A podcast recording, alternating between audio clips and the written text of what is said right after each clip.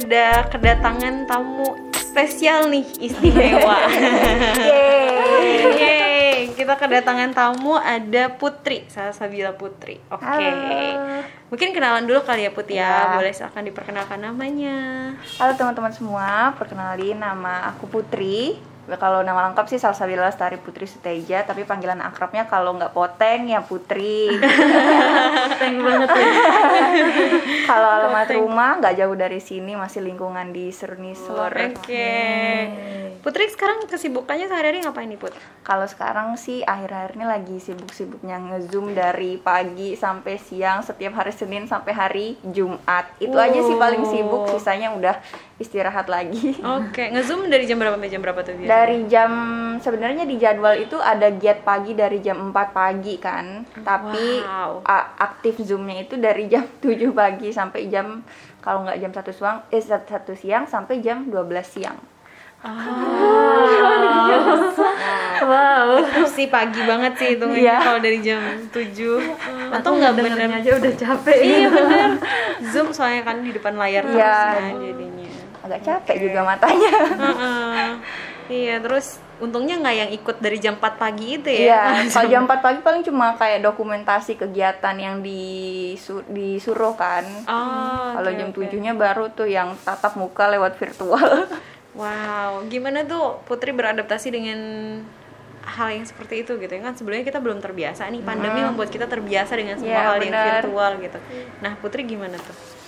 Kalau Putri karena sebelumnya pernah seperti ini juga, jadi nggak terlalu kaget. Oh, jadi oke. palingan eh, Putri harus kayak menyesuaikan diri kalau lagi ngantuk-ngantuknya gitu. Hmm. Kalau apa biasanya kan sebelum puasa udah mulai kegiatan ini kan Hmm, gitu. Jadi karena sekarang puasa sahur bisa kayak nyambung terus gitu walaupun Oh. agak lebih berat di ngantuknya sebenarnya itu aja Iya, sih iya, kalau masalah eh, materi-materi yang dikasih sih nggak ada masalah cuma berat di ngantuknya sama Ngantuknya ya. mata sering capek itu aja sih Hmm, tapi lama-lama jadi makin biasa gitu jadi kayak nggak terlalu diambil pusing aja sih Hmm, oke. Berarti sebenarnya kalau kalau membicarakan tentang aktivitas yang padat, Putri sudah cukup terbiasa lah Iya, dengan hal itu gitu. Cuman terbiasa. memang yang sekarang itu lebih beradaptasi tentang medianya aja Iya, gitu tentang ya. medianya aja. sekarang harus virtual gitu. ah bener Nah, eh, dulu Putri awal menghadapi sebuah aktivitas yang padat itu dalam aktivitas apa kalau boleh tahu nih Put?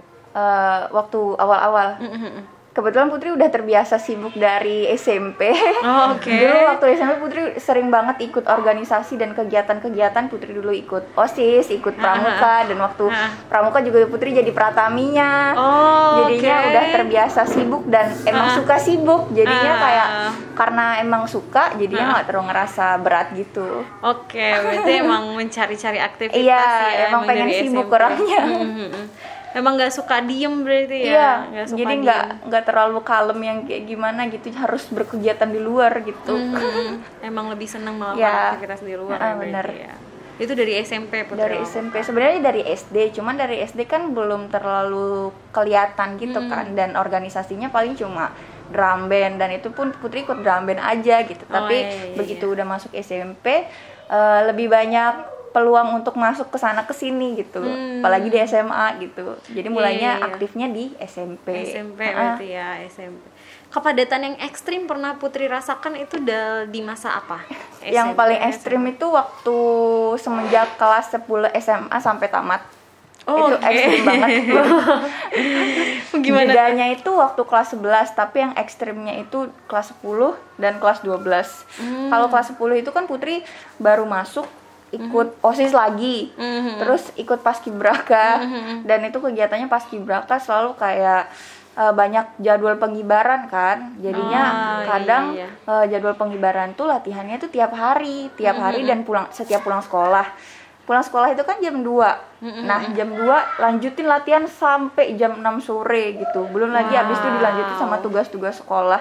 Itu berlangsung kayak setiap hari selama kelas 10. Apalagi persiapan untuk seleksi paskibraka itu makin padat lagi dan kegiatan fisiknya makin bertambah Makin banyak gitu. ya. Ah, Oke. Kayak gitu. Jadi terus kelas 11 ada jeda sebentar. Jadi agak bisa tenang dikit. Nah, begitu masuk kelas 12 tem, lebih keras Lebih lagi banyak lagi, kayaknya ya. ya. Dan tekanannya juga lebih tinggi gitu. Ini Heeh. kalau paskib kan lebih banyak tekanan dari fisiknya kan. Tapi kalau Iya. kelas 12 itu tekanan dari eh, batin iya, mental iya Iya, dan iya, juga iya. fisik juga iya sih. Heeh. Heeh, itu. Iya. Berarti memang ekstrim. Kalau kita lihat-lihat ini kalau dengar cerita, cerita dari Putri, Putri termasuk yang aktif banget ya nggak sih Iya, teman-teman? iya. produktif jadi minder Produktif saya banget. ngapa-ngapain Iya. Kita SMA kerjaannya ya kalau nggak sekolah abis itu ya main gitu. paling utama ke kantin Tapi juga sering gitu loh kalau nggak ada kegiatan pasti eh, kadang di sekolah kan kalau lagi jam kosong ataupun apa ya Putri langsung perginya ke kantin kadang baru selesai apel atau baru selesai kegiatan pagi di sekolah Putri langsung ke kantin dulu Iya. kelas. iya, tapi bener-bener bener-bener emang padat banget Iya. ya sepertinya jadwalnya Putri. Kayak, selain aktivitas-aktivitas yang di sekolah, ada aktivitas eksternal nggak sih yang Putri juga lakukan? Gitu? ada jadi eh, selain organisasi di sekolah waktu SMA, Putri juga ikut organisasi di luar sekolah gitu. Ada beberapa, kalau nggak salah ada tiga organisasi. wow.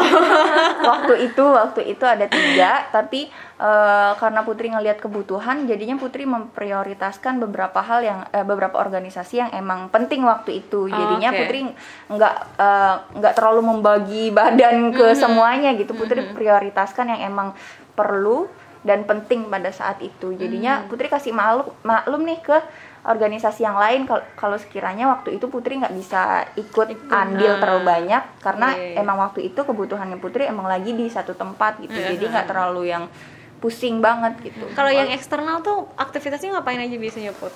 Eh, waktu itu kan Putri ikut Teruna Dedare. Ah, iya, itu iya, iya, kayak lebih ke aktivitas budaya-budaya sih. Aha, nah itu selain itu juga Putri ikut genre kan yaitu dari BKKBN Iya, iya, dan selain itu juga waktu kelas 12 itu Putri ikut Putri Indonesia yang itu kegiatannya emang padat banget. Nah, Ah. Teruna Dare itu karena Putri udah bukan jabatannya, eh, bukan jabatannya masih bukan Ah, Udah waktunya, udah ya semacam udah lengser lah, udah setahun gitu. Jadi nggak terlalu apa namanya nggak terlalu aktif gitu karena Oke. kegiatannya juga emang nggak terlalu banyak. Nah akhirnya Putri fokusnya ke genre. Nah genre itu waktu itu emang Putri lagi apa namanya lagi masa jabatannya. Walaupun bukan duta maksudnya ma- jabatan eh maksudnya kayak lagi masa Kepengurusannya ya. masa ya. kepengurusannya jadi di situ lagi aktif-aktifnya di panitia lah dia apa namanya ikut sosialisasi sosialisasi ataupun kegiatan lainnya. Karena di genre itu di BKKBN itu juga ke- kegiatannya tuh banyak banget gitu. Hari keluarga lah hari remaja lah dan ngejalanin program-programnya juga banyak gitu. Jadi cukup padat di situ gitu. Nah begitu Putri ikut Putri Indonesia akhirnya genrenya di kesam- kesampingkan dulu gitu. Oh, fokusnya oke. langsung ke situ gitu. Tapi eh, karena kebetulan waktu itu Putri emang ikut genre emang sesuai banget kan. Jadi Putri kadang kerja sama gitu sama genre waktu jadi Putri Indonesia gitu. Ah, Heeh, jadi kayak kolaborasi gitu waktu ngejalanin advokasinya Putri juga ke lapas anak tapi bukan lapas sih bahasanya sekarang LP LPKA. iya LPKA nah Putri eh, gabung sama genre itu untuk ngejalaninnya karena emang satu visi misi kan jadi ya udah sekalian aja gitu genre iya. alhamdulillah terbuka gitu Heeh, juga heeh. itu sih Jadi bisa aktif dua-duanya ya ma- dengan satu kegiatan Iya, yang sama benar. bisa aktif di dua eh, di dua organisasi Heeh, tadi iya. gitu. Kan men- mendengarkan ceritanya dari Putri ini kayak banyak banget aktivitas-aktivitas yang dilakukan sama Putri gitu yang eksternal ya.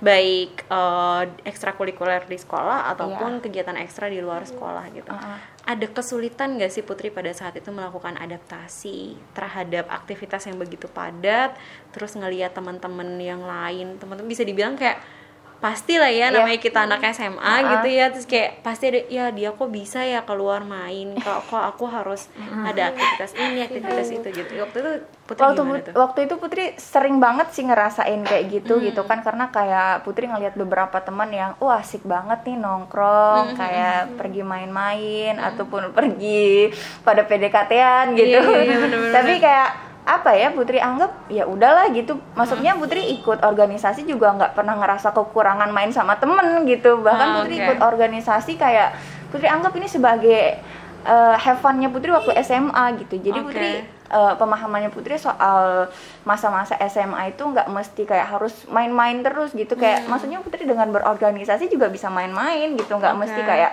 capek harus jadi gini enggak. Jadi Putri bawa have fun aja. Waktu Oke. organisasi kan juga Putri ketemu sama banyak teman-teman juga kan. Jadi Betul. eh, teman-teman yang dari organisasi juga alhamdulillah open suka diajak main. Jadi jadi walaupun nggak sama teman sekolah mereka juga sering ngajak Putri main-main gitu keluar ke mana tapi akhir-akhir nih udah lulus SMA eh, makin sering gitu. Karena kan eh, rata-rata begitu lulusnya Putri SMA berakhir juga masa kepengurusan di beberapa organisasi kan? Jadinya eh, hubungannya Putri masih sama teman-teman SMA juga masih tetap baik. Jadinya sekarang deh mampu untuk ngeluangin waktu gitu. Ah, iya, iya, gitu. iya, iya. Berarti kalau dulu tuh memang Putri lebih eh, caranya menghadapi itu dengan cara nge-switch cara pandang kali ya Iya, bisa dibilang gitu ya. Jadi kalau misalnya awalnya mindset ikut organisasi itu sibuk dengan berbagai aktivitas, Ah, yang eh, ini tuh Putri mencoba untuk melihat itu sebagai oh ya udah tuh juga di organisasi itu ketemu sama Iya, teman-teman dan masih bisa main juga Iya. gitu. Jadi ya udah mainnya ya sekalian sama teman-teman organisasi. Iya gitu. benar. Menurut itu Putri itu itu sih yang paling simpel untuk dilakukan gitu, ngerubah cara pandang gitu biar kayak ikut organisasi kan banyak hal positifnya gitu, nggak cuma dapat lelahnya doang gitu. Jadi bisa have fun juga walaupun sibuk, dapat have funnya, dapat ilmunya juga iya gitu. Pengalaman juga ada kayak Iya, gitu. iya, iya. pengalaman dapet, teman Iya, baru dapet. mainnya juga dapet Iya, kayak gitu ya. itu Banyak sih. plus-plusnya lah Menurut ya. Putri itu sih masa-masa SMA yang di matanya Putri ya kayak gitu. Rajin-rajin organisasi biar banyak pengalaman. Iya, iya, banyak pengalaman networknya juga main ya kalau Ya, di situ benar, ya. ah, Oke. benar banget. Heeh. Tapi sembari juga teman-teman di sekolah juga tetap Iya, harus seimbang meluangkan juga. waktu gitu Ah, ya iya, untuk main sama teman-teman di Iya. sekolah gitu. Putri kalau zaman SMA gitu mainnya bentuknya seperti apa nih kalau sama teman-teman SMA di luar dari organisasi tadi? Kebanyakan pergi nongkrong sih. Ah, Kalau nggak oke. nongkrong pergi ke rumah salah satu temen di sana itu eh, kita kayak patungan mau beli apa paling sering beli Indomie sih. Iya, Iya gitu jadinya udah kita makan-makan sambil cerita-cerita gitu. Ada yang mau curhat lah, ada yang mau ngomongin apalah gitu lah. Heeh. Kalau Iya, enggak iya. ya udah sambil bercanda-bercandaan paling sering sih kayak gitu. Iya iya benar-benar. Iya? Kita juga dulu gitu nggak sih kalau sih zaman SMA tuh main tuh ya udah ngumpul di rumah teman, Iya, nongkrong nongkrong karena paling simpel itu gitu. Iya. Kalau mau ngerencanain liburan-liburan mungkin bisa, tapi eh, kendala sama waktu kita semua gitu. Jadi paling simpel, paling tidak memakan usaha yang terlalu banyak mungkin kumpul. Intinya Iya, dapat benar. kebersamaannya itu. Iya, dan zaman SMA tuh memang banyak banget ups and down-nya nggak sih? Iya, bener banget. Udah ngerasainnya itu SMA itu bener-bener titik. Waduh. Zaman berbeda. SMA tuh kayak lagi-lagi banyak galau-galaunya. Iya, bener, bener, bener, bener banget. Iya. ah jadi penasaran deh Putri kalau misalnya mengalami perubahan-perubahan emosi tertentu nih misalnya kalau lagi lagi sedih banget, lagi bahagia banget, lagi galau atau apa itu Putri biasanya melakukan apa?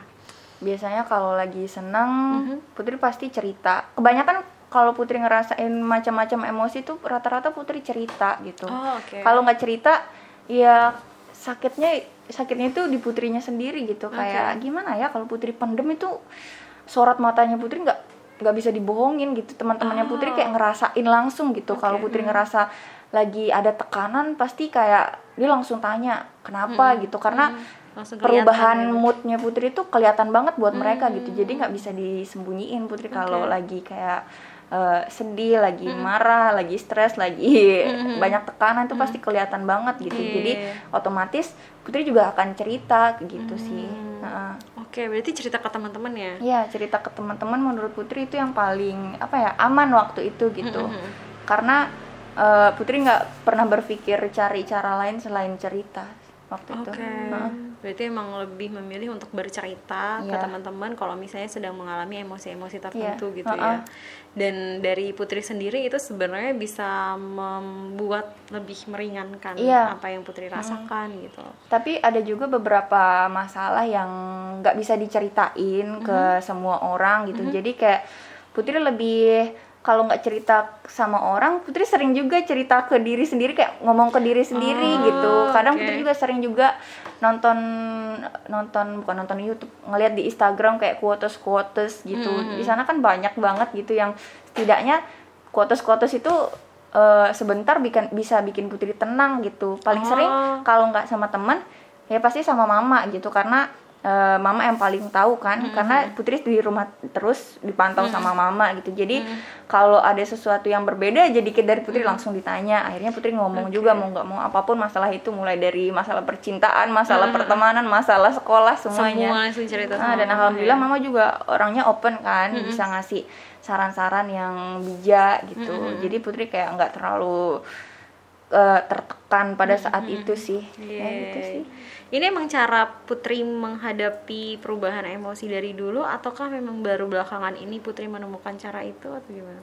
Eh, Putri nemunya waktu SMA sih cerita tapi Oh, kalau oke. sebelum itu pun SMA-nya SMA akhir-akhir Oh, kalau sebelum SMA itu lebih banyak ke diem kayak mendem mendem Dipendem Heeh. sendiri iya gitu dipendem ya. sendiri itu jatuhnya kayak eh, akan ngelampiasinnya secara nggak langsung ke orang lain jadi lebih temperamental gitu ke orang oh, jadi Gitu. lebih sensitif Iya, gitu ya. jadi lebih sensitif gitu kalau Putri Putri ingat waktu itu baru masuk SMA gitu kan kayak Putri mm, eh, menghadapi beberapa beberapa tekanan tuh Mhm. eh, Putri kayak nggak mau cerita ke orang lain kan akhirnya Putri pendem pendem dan imbasnya itu ternyata ke orang lain gitu. Kayak Putri akan lebih sensitif atau enggak? Nggak ada salah apa apa orang itu Putri marahin juga Ah. Iya, gitu. Paling sering itu nggak tahu kenapa ya ke adik sih. Oh, Oke. lampiasinnya tuh secara nggak langsung ke adik gitu. Nggak tahu kenapa. Tapi kalau teman-teman nggak pernah. Lebih sering itu ke adik gitu. Jadi kayak image-nya Putri di adik itu mungkin galak banget ya karena karena Putri ngerasa kayak secara nggak langsung setiap Putri mendem sesuatu Putri jadi sensitifnya ke adik ke adiknya Putri yang cowok masih kecil sih. Jadi kayak Putri ngerasa bersalah juga sekarang kayak sering marahin gitu walaupun nggak salah apa-apa tapi emang kadang kita lebih nyaman untuk mengekspresikan itu ke orang terdekat nggak sih? Iya Gitu. sih, benar. Jadi emang pada akhirnya orang-orang terdekat kita yang kena imbasnya kena imbasnya Iya. betul. Eh, pengen tahu jadinya nih life changing moment yang akhirnya membuat Putri menyadari bahwa oh oke sepertinya ini nggak bisa terus-terusan nih seperti ini gitu. Aku harus mencari cara untuk mengekspresikan apa yang aku rasakan gitu. Ah. Eh, itu sih Putri sadar waktu setelah jadi Putri Indonesia gitu kan. Oh, entah oke. kenapa itu ada beberapa hal yang membuat pikirannya Putri terbu- terbuka untuk lebih ke lebih nyari tahu tentang diri sendiri gitu. Lebih nyari tahu bagaimana cara mengolah rasa dan emosinya Putri gitu. Kayak nggak mungkin kan kalau Putri akan pendem rasa atau emosinya Putri malah terlampiaskan ke orang lain malah bikin luka baru buat orang gitu. Jadinya kayak Putri nggak mau jadi orang yang toksik buat orang lain gitu. betul. jadinya kayak Putri belajar terus gitu kan. Kebetulan Putri juga eh, gabung dengan komunitas baru komunitas kesehatan mental namanya Topmor itu ternyata eh, mereka juga ngasih pengetahuan dan ilmu yang cukup gitu. Terus selain itu juga mulai dari situ Putri lebih aware ke diri sendiri sih. Jadi kayak walaupun sampai sekarang masih sulit tapi setidaknya Putri udah tahu nih dasar-dasarnya Putri harus seperti apa gitu. Karena kayak uh, ada beberapa hal kayak banyak banget kan Putri temuin tuh di Instagram atau enggak di YouTube tuh uh, kita sering kayak Putri pernah dengar tuh kita mungkin sering ngerasa jadi korban korban atas perla- uh, perlakuan orang lain gitu. Tapi kita nggak sadar kita juga pernah ngasih luka ke orang. Nah itu yang Putri nggak mau gitu. Apa jangan-jangan jangan-jangan selama ini Putri kayak ngerasa tertekan secara nggak langsung Putri ngasih luka juga ke orang lain Putri nggak mau gitu. Jadi kayak misalkan Putri dapat tekanan atau masalah Putri harus bisa cari tahu solusinya gitu. Jangan stuck diem kayak orang pasrah gitu enggak Putri kayak kalau dapat sesuatu Putri pengen selesaiin waktu itu juga. Biar Putri eh, biar hal itu nggak jadi apa namanya kayak luka luka yang tertanam sekarang yang apa namanya yang akan sampai di masa depan masih Iya, ada betul, gitu. betul, Putri betul, kayak betul. Dapat masalah seles- eh, kalau bisa Diselesaikan. diselesaikan gitu biar nggak jadi apa dendam masa depan atau apa Kalaupun gitu. tidak diselesaikan waktu itu seenggaknya disampaikan Iya, gitu ya ke, disampaikan. ke orang yang terlibat Iya, dalam gitu. permasalahan itu Iya, ataupun benar. orang lain Iya. kayak gitu. Berarti life changing momennya Putri adalah ketika gabung maksudnya setelah mengikuti Putra Indonesia Iya, bener. kemudian gabung di Gabung More. jadi menyadari bahwa oh kesehatan mental itu memang harus dijaga dan Iya, di bener-bener. di maintain setiap hari gitu Iya, bukan bener. suatu hal yang kita lakukan setelah ada permasalahan yang muncul Iya, gitu jadi banyak hal yang bisa kita lakukan untuk menjaga kesehatan mental kita termasuk eh, menceritakan apa yang menjadi permasalahan kita pada hari itu pada orang-orang yang, ter- yang kita percaya gitu apa pada teman ataupun pada orang tua benar. gitu. Jadi teman-teman mungkin ada yang mau ditanyakan ke Putri? Kalau aku nih kayak eh, dengar dari ceritanya Putri tadi kayak dari luar biasa gitu loh kegiatannya banyak banget. Kalau kalau aku lihatnya karena eh, dari SMA gitu juga kayak aku tuh ya udah eh, anak-anak remaja pada umumnya gitu yang suka main-main kayak gitu. Kalau masalah kata Mbak Nini tadi ups and down-nya ya udah masalah-masalah percintaan kayak kayak gitu loh. Kalau Putri kan kompleks banget kayaknya gitu loh. Eh, organisasi iya, terus pertemanan juga iya, kayak kayak gitu kan. Belum lagi ya mungkin ada kisah kisah-kisah romantis juga gitu. Jadi kayak kompleks lah gitu kayak wow luar biasa banget gitu. Kayak pengalamannya kayak iya betul luar makanya biasa gitu. momen paling eh, momen paling susah nih put kalau di eh, zaman SMA di zaman SMA kan pasti eh, tadi Putri harus beradaptasi dengan orang-orang lain di luar dari sekolah kemudian banyak aktivitas-aktivitas lain ada momen paling Putri mau mengalami kesusahan gak sih dalam berinteraksi atau ada momen emosi paling down yang Putri alami di usia SMA itu Waktu SMA momen paling ngedown itu waktu kelas 12 SMA, waktu ikut Putri Indonesia. Oh, oke. Karena circle-nya itu benar-benar baru buat Putri. Karena Oh, oke. Putri eh, nggak ada biasanya kan orang yang ikut Putri Indonesia itu punya basic sebagai model ya gitu. Hmm, Tapi banyak juga kok yang bukan basic sebagai model bisa ikut Putri Indonesia. Hmm. Cuman eh, yang agak berat di putrinya itu eh, transisi. Oh, Tran- oke. masa transisi diri gitu sebelumnya sebelumnya kan Putri jadi pasti beraka kan Mm-hmm, dan Putri emang udah ngerasa kalau Putri itu emang jiwanya di situ gitu jadi Oke. kayak kalau Putri udah ngerasa kayak gitu sikapnya akan keikutan seperti organisasi itu Iya, gitu. betul, betul. nah jadinya eh, biasanya Putri yang sebelumnya waktu SMA itu jarang anggun jarang kalem lebih temperamental dan bawaannya lebih tegas gitu kan. nah begitu masuk Putri Indonesia itu perubahannya itu banyak gitu. Hmm. jadi kayak harus bener-bener harus kalem harus anggun. maksudnya iya, bukan iya, kalem iya. yang kayak harus feminim banget gitu. Intinya kalem eh, dari luar gitu. Tapi tetap dengan karakter pribadi masing-masing gitu. Hmm. jadi cuman waktu itu lebih diminta untuk jadi anggun gitu. Nah dan itu agak berat gitu di putri ya gitu. Karena biasanya putri kayak kayak bersikap ya intinya nyaman di mata orang ya udah gitu. Iya, nggak iya, mesti betul, harus betul. menuntut diri harus seperti apa gitu.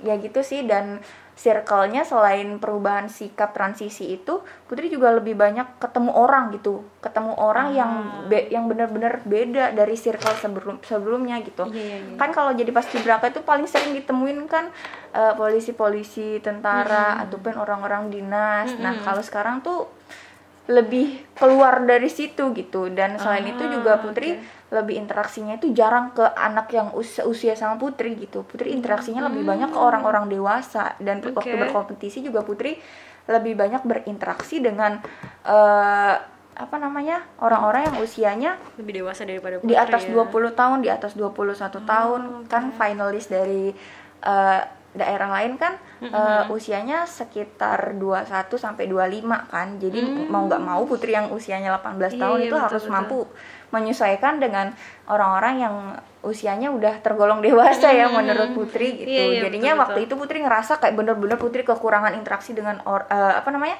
dengan teman-teman yang seusianya putri gitu. Jadi mau nggak mau itu putri harus kebawa ikut dewasa gitu sama pemiri, pem- pemikiran mereka semua gitu. jadi, harus super fleksibel pada iya, saat jadi itu ya. Putri harus dipaksa untuk mampu untuk fleksibel gitu. Jadi dari situ juga putri belajar untuk kayak nggak ngejudge sesuatu gitu. Kayak misalkan gini putri udah eh, terbiasa di lingkungan putri Indonesia yang mungkin orangnya rata-rata udah dewasa semua kan. begitu balik ke teman-teman eh, pasti kayak ada miss cara pandang gitu kan jadi putri kayak oh iya benar oh iya ini teman-temanku bukan teman-teman putri Indonesia Iya, iya, gitu iya, yang betul, betul. pemikirannya udah rata-rata dewasa, Dewasa, gitu hmm. jadi oh ya udah lebih belajar untuk bisa memaklumi segala sesuatu Hmm, gitu sih. Heeh. jadi lebih bisa membaca sosial jadi Ah, dia benar. nggak sih Itu dari sih yang berat. switch banget apalagi maksudnya dari aktivitas sehari-hari yang Putri di paskib Iya. terus langsung harus dituntut dunia pageant ya, Iya, dunia di mana yang uh, di awalnya juga Putri nggak pernah begitu aktif di modeling atau apa pun Iya. yang bisa me- membuat itu lebih familiar gitu buat Putri gitu. Jadi memang sangat sangat ekstrim sih perbedaannya nggak Iya. sih? Jomplang banget eh gitu jomplang banget. Nah itu jomplang banget. Gitu. jomplang banget. Jomplang banget perbedaannya gitu. Dan dari itu Ya. dituntut untuk uh, beradaptasi dengan Iya. semua itu dan bisa menerima itu semua. Berapa lama dulu Put berarti? Eh, apanya uh, beradaptasinya Oh, itu- Putri switch itu dari kelas dari awal masuk kelas 12 enggak sih pertengahan kelas 12 dari bulan Desember 2019 Mhm.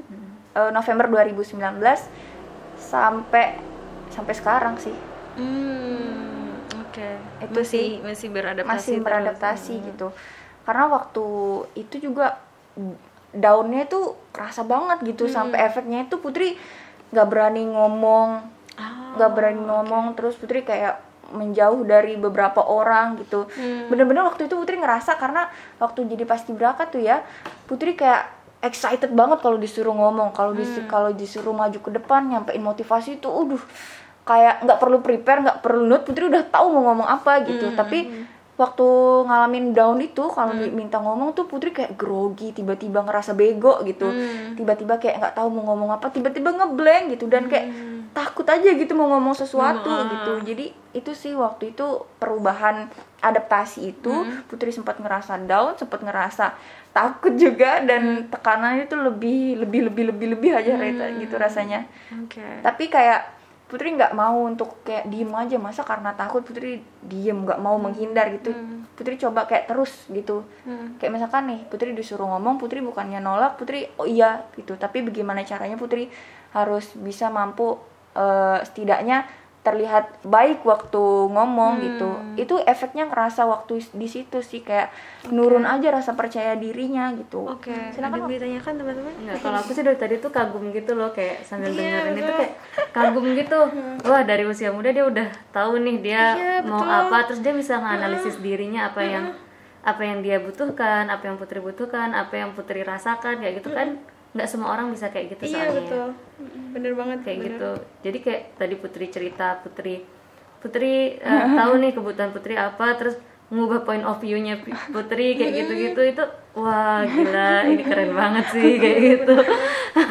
kalau kalau aku sih gini kepikirannya dia ikut organisasi ya kayak di sekolah gitu pertemanan apa segala macam kan pastinya banyak masalah-masalah gitu Iya. terus kayak nggak kebayang kalau misalnya semua datang tuh jadi satu ada masalah Bersamaan A, B, C, ya, bersamaan betul-betul. itu gitu itu itu kalau pernah nggak sih Putri ngalamin kayak gitu? Terus biasanya nga- ngapain tuh Oh, ya, menghadapi masalah? kalau yang itu itu itu pernah terjadi waktu Putri Indonesia itu gitu. Jadi semua masalah itu dari segala sisi datang jadi satu ke Putri Oke. gitu dan itu benar-benar bikin Putri kaget banget. Bahkan Putri menganggap itu sebagai titik klimaks Putri merasakan sesuatu gitu. Titik jatuhnya Putri itu heeh, di titik terendahnya Putri itu waktu itu gitu.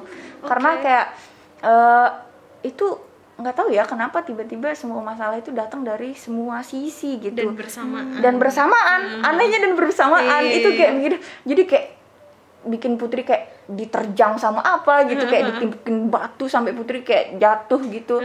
Itu rasanya benar-benar nggak bisa putri kalau diingat-ingat tuh ya lu sakit banget itu sakit lebih sakit eh, rasanya sakitnya itu lebih dari sebelum-sebelumnya gitu. Karena tekanan itu bener-bener menekan dengan keras gitu. Nggak bisa dijelasin gitu saking betul-betul. sakitnya itu putri. terhimpit gitu Ah. ya. jadi eh, sekarang nih eh, Putri lebih bisa beradaptasi sih. Maksudnya kayak dari sebelumnya mungkin sedikit apa ya sus kesusahan tapi sekarang Putri lebih agak lebih fleksibel lebih apa ya lebih nyantai aja bisa dibawa santai gitu semuanya gitu. Menghadapi perubahan-perubahan Ah, udah lebih iya ini jadi luwes ya. cepat maklum gitu kayak oh ya udah tinggal gini aja gitu nggak Iya, iya, iya. kurang ngeluhnya sekarang lebih lebih enjoy aja Oke. Eh, keren sih.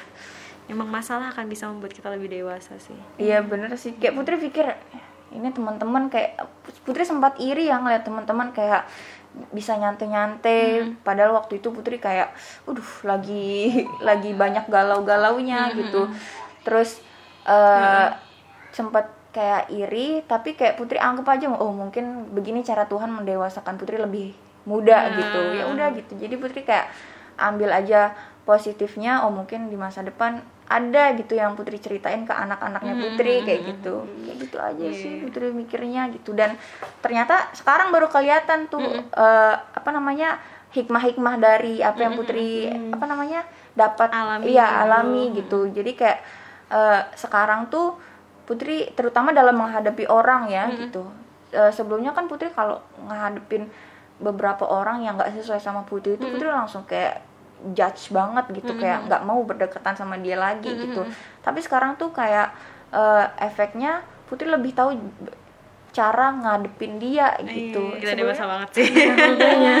Untuk usianya dia gitu ya Udah bisa melakukan itu Dan mencari eh, Mencari poin di mana dia bisa berteman dengan orang yang dia nggak suka Itu udah Jadi untuk usia dewasa pun terkadang orang masih butuh untuk belajar. bener banget. Dia menganalisis situasi dulu terus nanti eh, baru oh oke aku ngapain ya kayak gitu Iya, kayak baru ngambil keputusan. Terus nanti kalau ngadepin situasi yang sama lagi oh sudah pernah begini caranya kayak gitu. Iya bener Dia udah udah bisa auto melakukan itu Iya. gitu. Mungkin karena dia sudah sering berinteraksi sama banyak orang kan dari dulu juga.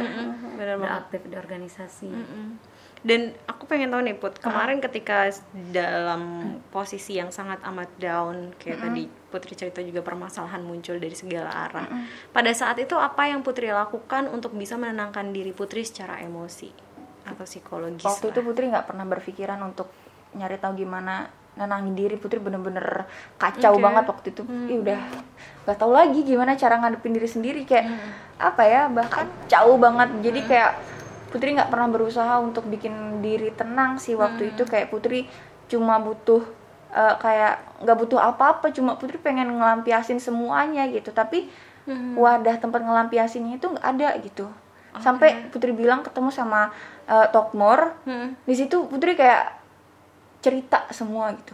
Putri cerita semuanya tentang apa yang Putri hadapin Putri rasain gitu. Dan Putri nggak pernah menuntut mereka untuk ngasih Putri saran tapi dengan Putri kayak cerita banyak hal ngomong ke mereka dan mereka juga dengernya baik responnya baik itu Putri kayak Putri udah tahu sendiri jawabannya gitu. Begitu Putri cerita semuanya oh jawabannya gini nih. Jadi Putri nggak mau hal ini jadi trauma buat masa depan kan. Jadinya Putri kayak cerita banyak hal terus kayak Putri langsung kayak berpikir oh masalah ini nggak bisa dihindarin harus dihadapin gitu. Hadapin aja gitu.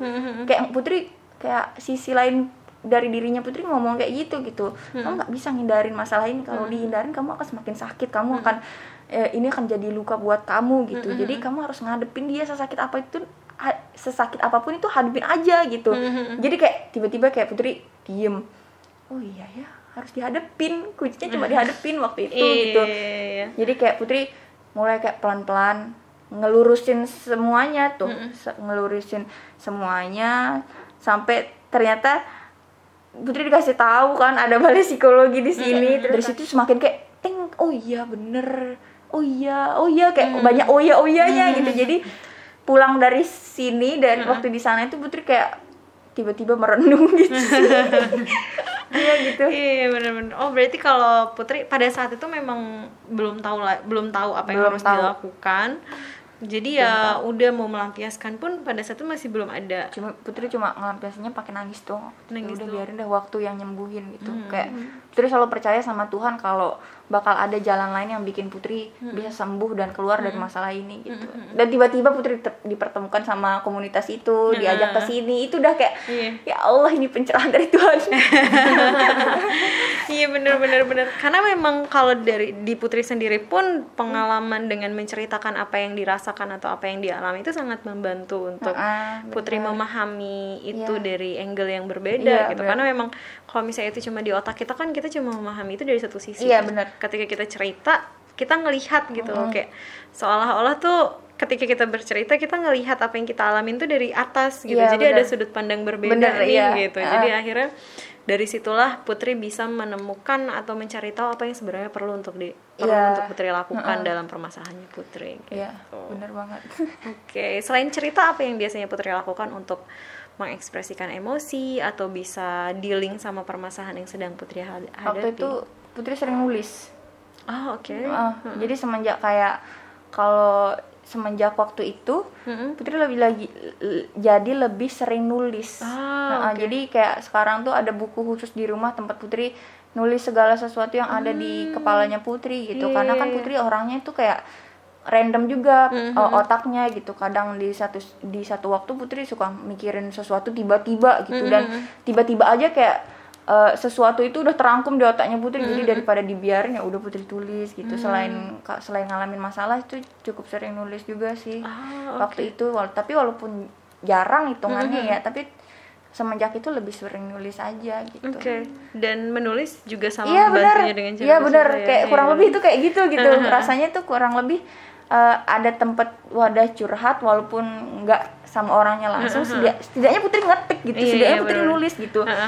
Karena kayak kalau putri ngomong secara langsung waktu itu kayak agak kesusahan aja rasanya nge ngurutinnya gitu. Tapi kalau nulis itu ngetik entah itu ngetik entah itu nulis tuh lebih mudah aja gitu. Kayak apa yang ada di otaknya itu lebih tersalurkan. Nah kalau nulis tuh nggak tahu kenapa lancar aja kayak gini. Putri akan tahu apa yang oke. otaknya putri gitu. Lebih kayak lebih dapat menyelami isi otak rasanya kalau nulis tuh. Berarti- bedanya waktu ngomong itu kayak apa yang om- emang sadar di otak itu akan dikeluarkan sama mulut gitu. Tapi kalau nulis itu apa hal-hal yang kecil yang tersembunyi di otak itu keluar juga gitu. Waktu nulis putri ngerasain itu sih gitu. Jadi Ah, iya, iya. hal-hal yang hal-hal kecil yang cukup berpengaruh dalam hidupnya putri yang nggak bisa tersampaikan putri, Heeh. Putri tulis ketulis ya iya benar-benar sih karena kadang kalau kita ngomong kan kita ngomongnya sama orang lain ya Iya. pasti ada ngeremnya nih Iya, oh ini nih gitu. eh, kudu diomongin apa enggak nih Iya. gitu kalau misalnya enggak ya udah disimpan dulu gitu tapi kalau nulis kan kita tahu yang ngebaca Iya. itu cuma kita Iya, gitu jadi itu ya udah ditulisin aja semuanya Iya, gitu. makanya kadang kalau Putri mau ngomong sama orang tuh eh, harus tahu nih apa yang mau dibahas gitu biar nggak lupa gitu. Kalau udah ngomong tuh su- pasti suka lupa gitu. Hmm. Jadinya kalau nulis tuh entah kenapa ingat aja semuanya. gitu. Makanya Putri lebih suka curhat pakai nulis ataupun Iya, pakai iya, ngetik. Itu sih. Iya iya kayak kayak ini kalau di psikologi itu ada namanya expressive journal. Jadi itu memang salah Oh. satu bentuk terapi yang bisa dilakukan Iya. uh, untuk ekspresi emosi Oh. gitu. Jadi kalau Putri tadi cerita sama menulis ya Iya, untuk bisa mengekspresikan apa yang dirasakan atau apa yang dipikirkan, apa Iya. yang dialami Ah, gitu. bener banget. Pertanyaan terakhir, pertanyaan terakhir nih Put. Untuk teman-teman balai di luar sana nih, ah. kalau misalnya sedang mengalami ups and down ya, Iya, kondisi emosi atau psikologis yang itu pasti suatu hal yang nggak bisa kita hindarin dalam sehari gitu. bener. Mau kita mencoba untuk berada di posisi terbaik pun pasti ada yang namanya permasalahan yang terjadi gitu. Dan dalam kondisi itu pasti ada reaksi-reaksi emosi tertentu yang rasa sedih lah, marah lah, down, kecewa, kesal pasti ada emosi-emosi tersebut gitu yang butuh untuk diekspresikan. Ada tips nggak dari Putri cara-cara untuk mengekspresikan emosi yang sehat atau adaptif gitu buat teman-teman di luar sana? Kalau menurut Putri eh, ada beberapa sih sebenarnya nggak jauh-jauh dari apa yang udah Putri sampaikan. Oke. Sebisa mungkin jangan dipendem apa pun itu gitu. Iya. Entah entah itu ngerasa seneng, entah itu ngerasa sedih, entah itu ngerasa stres itu kalau bisa dicerit diceritain ke orang yang dianggap nyaman untuk cerita gitu. Selain itu juga eh, diekspresikannya itu selain diceritakan juga bisa kayak nyari ketenangan untuk diri sendiri gitu. Ah, Jadi iya, kira-kira betul. eh, mencari tahu apa hal yang di- bisa di yang bisa dibuat nyaman pada saat itu ke diri sendiri gitu. Intinya pesannya Putri jangan sampai dipendam aja gitu. Kayak Putri ngerasa sadarnya sekarang gitu, jangan dipendam karena itu kayak eh, karena kan ini bilang kan emosi itu nggak bisa di apa namanya? Dianggurin. Eh, iya, nggak bisa dianggurin gitu. Takutnya kayak akan ketanam gitu ke diri sendiri yang akan jadi dendam. Sedangkan kita kan nggak di apa namanya nggak disarankan untuk dendam ke Diri eh, sendiri. s- ya ke diri sendiri ataupun ke orang lain gitu. Itu akan efeknya akan selalu kayak menurut Putri negatif sih kalau dendam itu Iya, gitu. jadi coba untuk mengekspresikan dalam bentuk apa pun gitu. Entah itu cerita nulis ataupun ngelihat pantai Oh, iya betul betul Putri betul. kayak iya relaxing sih, banget iya, ya. relax betul. gitu. Putri juga sering denger-denger lagu yang chill gitu. Nah. Terus Putri apa namanya kayak olahraga, iya, Iya, betul, olahraga juga. Putri ngerasa itu olahraga itu nggak tahu ya bikin happy rasanya gitu, kayak keringat keluar gitu kayak capek capek tapi happy gitu, gitu deh. Iya, iya, oke. Berarti kalau tips dari Putri, yang pertama jangan dipendam apa pun itu, ya. diekspresikan dengan media apa pun, bisa bercerita, Iya. bisa, Bisa ngegambar menulis, juga. ngegambar, betul. Atau pergi ke satu tempat di mana mungkin kita di situ benar-benar bisa melepaskan emosi yang Iya, kita rasakan gitu. Dan plus olahraga. Iya bener. Plus olahraga itu tips dari Putri teman-teman. Bisa diterapkan bisa dicoba. Nanti kita tunggu ceritanya. Teman-teman yang mau bercerita atau misalnya mau menyampaikan mungkin ada tips-tips lain dari teman-teman terkait dengan bagaimana mengekspresikan emosi bisa langsung DM kita di @balai.psikologi gitu. Tercengang iya. Terima kasih banyak. Oh, terima kasih banyak Putri. Luar biasa. Kita bisa melihat eh, bagaimana kehidupan Putri di SMP SMA sampai dengan saat ini yang sungguh padat tapi ternyata dia nikmati gitu. Oh, keren banget dan ah, ah, dan transisi dari dia eh, coping emosinya dia sampai dengan saat ini yang perbedaan ada perbedaannya dan kita ada mendapatkan cerita tentang life changingnya seperti apa sih. Terima kasih banyak Putri karena sudah berbagi sama kita di sini. Terima kasih terima kasih eh, sampai jumpa di podcast berikutnya. Bye bye Bye bye.